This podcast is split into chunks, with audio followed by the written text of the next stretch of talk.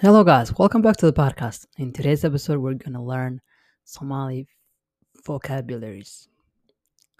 The first one is to be dayah. Dayah, meaning moon. Dayah, moon. Ad'ed or qarrah. Ad'ed or qarrah. Sun. Gate. Gate. Tree. Gedo. Trees. Gate. Tree. Gedo. Trees. Dub. Dub. Fire. Dub. Fire. We also have the word nar. Nar is still it is Arabic, but we still use it. Dab, fire. Bio, bio, water. Bio, water. Ubah, ubah, flower. Ubah, flower. Dagah, dagah stone. Dhagax stone. Nin. Imaan nin. Imaan rag. Man. Rag. Man. Okay we got has a wife. Has a wife. Hasas wives. Hasas wives. Sometimes we say afo afo also means has. A man could say afadeyda or haskayga my wife. Okay let's see here. We got Duxi. Duxi. Duxi is um it is school, but um it is primarily used for places that are that are taught the glories of the Quran. So they would be like Duxi. It's a school, but uh, this word is only for the specifically for the places that are uh, taught the glorious Holy Quran. The school, the actual school is school, but uh,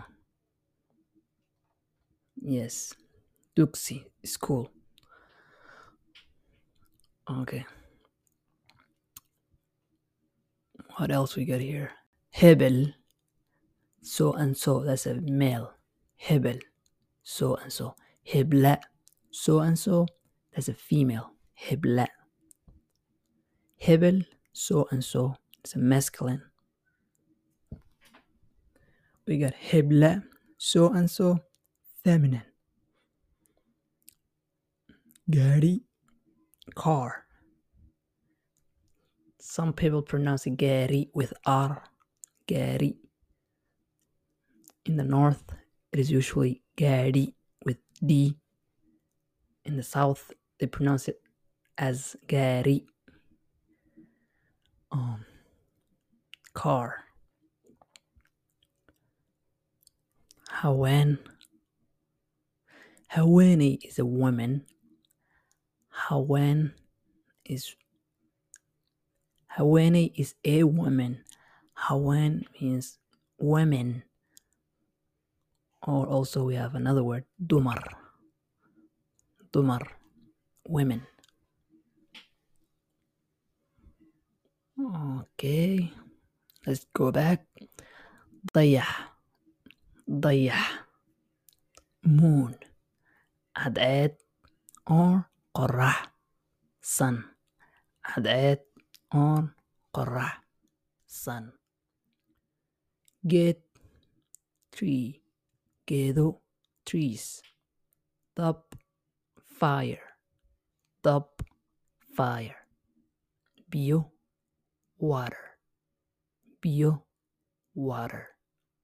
Ubax ubax flower. Ubax flower. Dhagax stone. Dhagax stone. Nin a man. Nin a man. Rag men. Rag men. Haweeney a woman.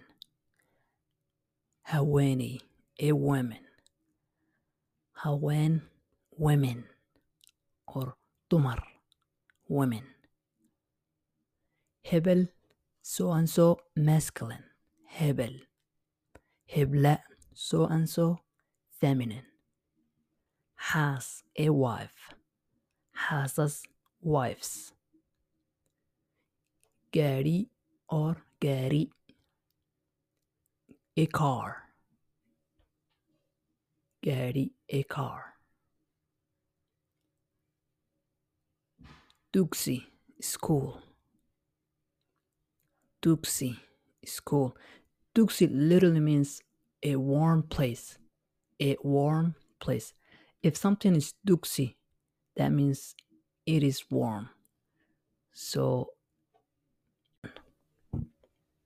that's all I got for you guys, and uh, have a wonderful day. Until next time, take care.